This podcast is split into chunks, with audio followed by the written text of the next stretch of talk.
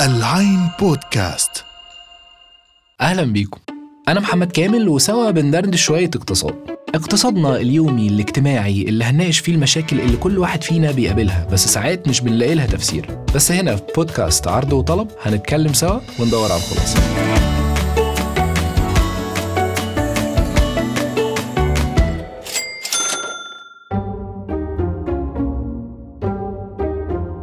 كل أماكن الشغل الواحد فينا بيقابل أشكال وألوان. بس في مجموعة من الشخصيات بتحسهم كده اسطمبة واحدة بتتكرر في كل بيئة عمل.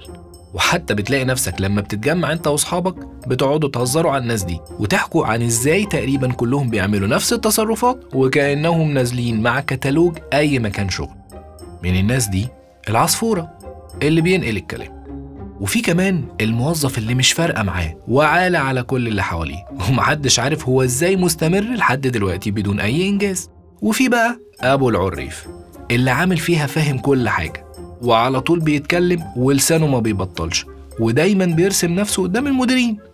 اللي تلاقيه راشق في أي موضوع بتتكلم فيه أنت وزمايلك؟ لا وبينظر عليكوا كمان ويقول لكم نصايح ناتجة عن خبراته الخزعبلية اللي خلته فاهم في كل حاجة. ده الشخص اللي لما بتدخلوا ميتنج ساعة بيطلب الكلمة ويفتح في الكلام فالساعة تبقى اتنين وتلاتة. ممكن تقول عادي انت في حالك وأنا في حالي. ممكن مش كده؟ بس في الأغلب الشخص ده لو ما عملتش معاه تصرف يردعه هتلاقيه بيتدخل في شغلك ويتمريس عليك كمان حتى لو أنتوا الاتنين على نفس الدرجة. وهتلاقيه بيسرق مجهودك بأكتر من طريقة. وكمان بيعطلك ويبوظ لك شغلك عموما بآرائه الجهنمية. ما هو العريف بقى.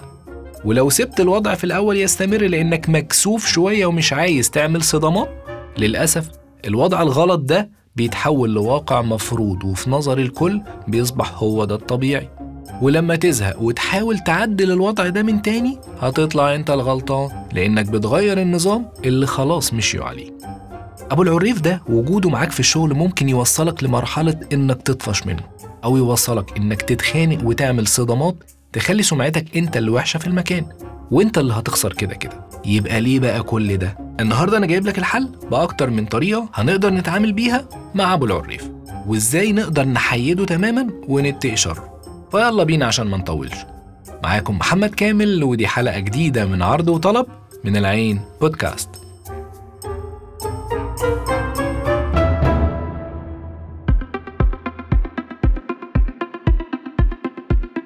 مفيش شك إن أبو العريف ده بيبقى إنسان ذكي وعنده من المهارات الاجتماعية اللي بتخليه منور في أي مكان حتى لو أساليبه ما بتعجبكش.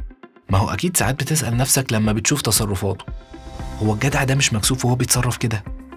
بس على الرغم من ذكائه ده هو بيغلط غلطة رهيبة وهي إنه بيبقى فاكر إنه أذكى واحد في المكان. ودايما بتلاقيه بيتكلم من المنطلق ده على الرغم إن شغله الفعلي بإيده ما يديش أي أمارة لكده. ده بالعكس هو بيرمي تقريبا كل الشغل على زمايله وبيتمرس عليهم ببجح في مصر في مثل بيقولك يعيش البجح على قفا المكسوف اهو ابو العريف واخد المثل ده قدوة في حياته. إنما كشغل تقريبا بتلاقيه أقل من المتوسط كمان. بس بيتكلم كتير في الاجتماعات وقدام المديرين فبيبان إنه شغال من حديد. أبو العريف هو اللي تلاقيه بينفرد بالتواصل مع كل اللي فوقيه بشكل حصري. وتلاقيه بيحاول دايما ياخد منهم الكلام ويبلغه للباقيين. أو لو أنت عايز تتواصل دايركت مع المديرين بتلاقيه بيحاول يتحايل إنه يمنعك بأي حجة عشان تقول له أنت عاوز إيه ويبلغه هو بطريقته. ولو بتعملوا مشروع سوا أو شغل معين بيقفش إن هو اللي يسلمه. وبيحط بهارات كتير على الشغل قدام مديرينه وأي ملحوظة تيجي بيلبسها لأي حد غيره. إحنا مش لسه قايلين إن هو أصلا ما عملش الشغل. بس هو جمعه من اللي حواليه. يعني هو في التفصيلة دي عنده حق. وده بيبين لك إنه دايما هتلاقي منطق غريب بيتخلق حوالين أبو العريف. بيسبب استمرار الوضع الغلط ده زي كرة التلج اللي لما تتساب بتكبر لوحدها. كمان أبو العريف تلاقيه ما عندوش مانع ابدا إنه يقاطع حد من زمايله بيتكلم في ميتنج قدام المديرين. وممكن يعمل عليه نمرة كمان أو يعلم عليه في نقطة مش واضحة أو مش ظاهرة. هو اللي تلاقيه بيتكلم بثقة غريبة جدا عن حاجات ما يعرفش عنها حاجة. حتى لو باين تماما إن هو غلطان بس تلاقيه بمنتهى الإريحية بيقولك إيه الصح وإيه الغلط في أي شيء. ولو حبينا نلخص علامات أبو العريف عشان تقدر تظبطهم أول ما تدخل شغل جديد أو حتى لو ما كنتش واخد بالك منه في شغلك الحالي فبجانب المواقف اللي فاتت العلامات كالآتي. اولا بيحتكر المحادثات ويرفض أي حد يقطعه تاني حاجة ما بيسمعش أي نقد أو تعليق على الشغل وما بيديش فرصة أساسا إن حد يعمل كده عشان ما يعلمش عليه. تالت حاجة إنه بيتكلم بنبرة متعالية جدا بمعنى إن مناخيره بتكون في السماء على طول. رابع حاجة تلاقيه بيشرح في حاجات كل اللي حواليه فاهمينها أصلا وعارفينها بس هو لازم يبان إنه جامد بأي حاجة ويشرحها تاني.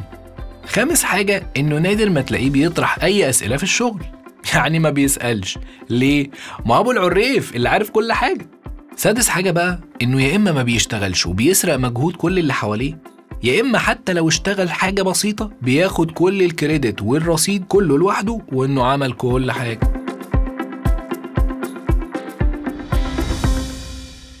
أكيد دلوقتي هيخطر على بالك سؤال مهم وتقول لي. طب يا كامل. هم المديرين في الشركات والمؤسسات والمصانع. مش عارفين الكلام ده يعني؟ وطالما الشخصية دي مفقوسة قوي كده ليه برضه منتشرة ومستمرة وبنلاقيها على طول في معظم أماكن الشغل؟ عشان في معظم أماكن الشغل الإدارة بتكافئ دايما الأشخاص اللي بيتصرفوا وكأنهم عندهم كل الإجابات. وبتكافئ أي حد بيتكلم بثقة إنه يقدر يعمل ويسوي. لأن معظم الإدارات ما بتحبش تدخل في تفاصيل. بيبقوا عايزين تنفيذ أيا كانت الطريقة. ولو مش مصدقني افتكر كده وقارن لي ما بين موقفين. واحد لزميل بيعرض فكرة معينة قدام الإدارة بس باين إنه مش متأكد من نتيجة حاجات معينة عشان هو صادق. وبين واحد بيقول أي كلام بس مقتنع جدا بالأي كلام ده. مين فيهم المديرين هيسقفوا له ويدعموه؟ أكيد التاني لأن كده كده أي مدير مش هيوجع دماغه بمناقشة تفاصيل. هو بيبقى عايز يفض الاجتماع عشان هو كمان يبلغ مديره إنه كله تمام والدنيا هتمشي واللي فوقيه يبلغ اللي فوقيه وهكذا. ولما تبوظ كده كده في النص هيلبسها أي حد مش إشكال. المهم إن أبو العريف بياخد اللقطة قدام المديرين وهي دي اللي بتفرق. طيب نيجي بقى للكلام اللي أنت جاي لي عشانه. بعد ما قدرنا خلاص نحدد تمام مين أبو العريف في الناس اللي حوالينا. نتعامل معاه إزاي؟ هقولك. في أكتر من تكتيك وطريقة تقدر تناور بيهم الشخص ده.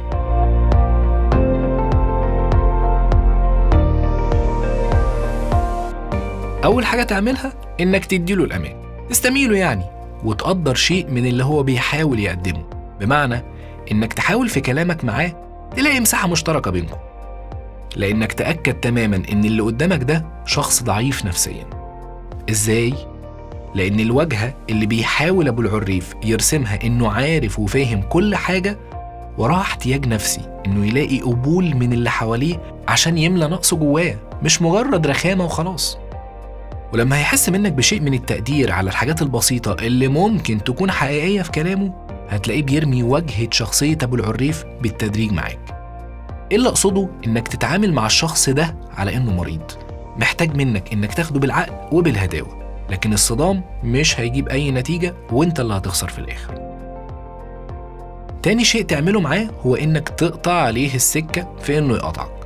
زي ما قلنا واحدة من أساليب أبو العريف في فرض السيطرة والتعليم على اللي حواليه وإرباكهم قصاده هو إنه يقاطع الناس باستمرار. عشان كده لو بتتكلم في حاجة قصاد البني آدم ده وفي حواليكوا ناس أو في ميتنج مثلا اطلب بشكل استباقي كده من كل اللي حواليك. إنك هتتكلم ومش عايز حد يقطعك لغاية ما تخلص كلامك والنقطة اللي هتشرحها. وحدد إنك هتتكلم كذا دقيقة بسرعة ولو أي حد عنده تعليق أو سؤال يستنى لحد ما تخلص عشان فكرتك توصل. وبكده لو أبو العريف حاول يقطعك ويرسم نفسه هيبقى باين قوي لكل اللي حواليه إنه قليل الذوق. ولو بتتكلم عادي برضه في أي تفاهة مع زمايلك ولا أصحابك وأبو العريف ده موجود ولقيته بدأ يقطعك ويعمل نمرته هتقول له بمنتهى الأدب آه معلش يا صديقي بس أنا المقاطعات دي بتشتت تركيزي فلو تسيبني أخلص الكلمتين بتوعي وبعدين تخش في الحوار هيبقى حلو قوي خليني أقول لك إن الكلمتين دول هيحرجوه قوي قدام أي حد. طب ولو برضه أصر إنه يقطعك ويبين إنه فاهم أكتر منك ويرسم نفسه عليك قصاد الموجودين؟ ما هو اللي فيه ده ما بيبطلوش. هتعمل إيه؟ هتصد الوضع بس بلباقة وعلى الهادي وتكشفه قدام الموجودين. بمعنى لو لقيته مصر يقاطع هتبص له وهتقول له بهدوء معلش يا فلان هخلص كلامي وبعدين هسمعك. ومن غير ما تعلي صوتك خالص عشان هو صدقني هيبقى عايزك تعلي صوتك عشان تنفعل وترتبك وتفقد تركيزك فتبان إنك وحش. ولو أنت ما بترتاحش قوي في المواجهات يبقى تجند زمايلك للموضوع ده. ما هو أكيد كلكم زهقانين من اللي بيعملوه ابو العريف فتتفقوا سوا إنكم تواجهوه ساعة اللزوم.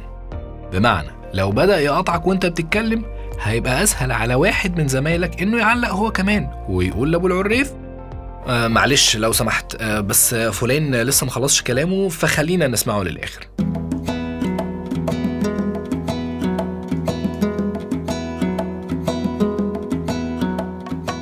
نيجي بقى الرابع حاجة تقدر تواجه بيها أبو العريف وهي إنك تتحداه بس بطريقة غير مباشرة. تسأله بهدوء. أه هو أنت جايب الكلام ده منين؟ يعني مثلا لو جه أبو العريف وحاول يرسم نفسه قصاد المدير وقال حاجة في سكة آه العملاء بتوعنا بيستنوا إننا نقدم حاجة جديدة في المنتج بتاعنا كل ست شهور أو حاجة شبه آه المبيعات بتقل عشان ما بنردش على الشكاوي بسرعة أو الشغل بطيء عشان بناخد وقت كبير في التسليم والاستلام بين الأقسام أي حاجة من النوعية دي. اللي بيحاول فيها أبو العريف يبروز نفسه قصاد المديرين على حساب زمايله. تعمل إيه أنت بقى في الموقف ده؟ بهدوء كده وبدون صدمات. هتقول عشان نبقى كلنا على نفس الموجة وعندنا نفس ال data هو أنت ممكن تقول لي الإحصائيات دي أنت جايبها منين؟ طبعا هو لا عنده إحصائيات ولا بيانات ولا data بس هو بيقول أي كلام. فبالتالي هيبان قصاد المدير إنه هوا.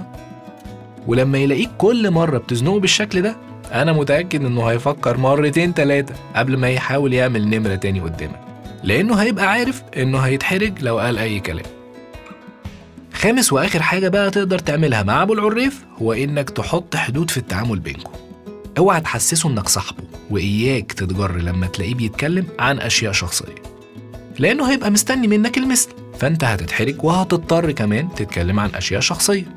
وبكده العلاقة بينكم هتتطور وهو هيستغلها أسوأ استغلال في إنه يجي عليك ويشيلك أعباء في الشغل. ما أنتوا صحاب بقى. أو حتى يحرجك قدام الناس ويقول لك بهزر. ما أنتوا برضه صحاب. فدايما حط حدود وخلي كل التعاملات بينكم رسمي. إيميلات طلبات مباشرة وهكذا. لأن اللي زي أبو العريف بيحب دايما يلعب في المنطقة الرمادي. لأنها المنطقة اللي بيعرف يتلاعب فيها بكل اللي حواليه. فلازم تقطع الطريق دايما عليه. وكمان خلي قنوات اتصال مفتوحة دايما مع مديرينك بحيث ما تسيبوش هو اللي يوصل كلامك أو شغلك للي فوقيكوا أنتوا الاتنين. ولو مشتركين في بروجكت سوا ما تسيبوش يعمل اجتماعات منفردة بالنيابة عنك مع المديرين. ولو حصل اشتكي ده حقك. المهم إنك دايما تنور بكشاف على المنطقة الرمادي اللي أبو العريف هيحاول يخلقها دايما.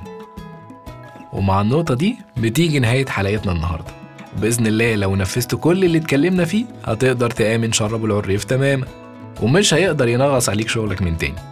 فلو عجبك الكلام ما توقفوش عندك وخلي غيرك يستفيد واعمل like و share لأصحابك عشان هم كمان يقضوا على أسطورة أبو العريف. معا لعالم خالي من أبو العريف.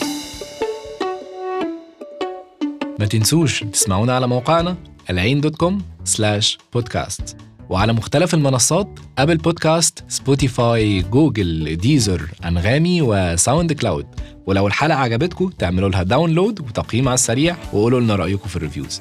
كنت معاكم محمد كامل دمتم بخير.